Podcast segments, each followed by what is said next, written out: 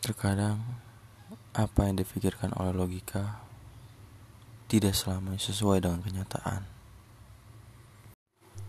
Banyak hal yang tidak bisa dijelaskan yang terjadi di luar akal sehat manusia. Salah satunya adalah time travelers yang masih menjadi misteri. Yang di mana kita berada di dua dimensi yang berbeda.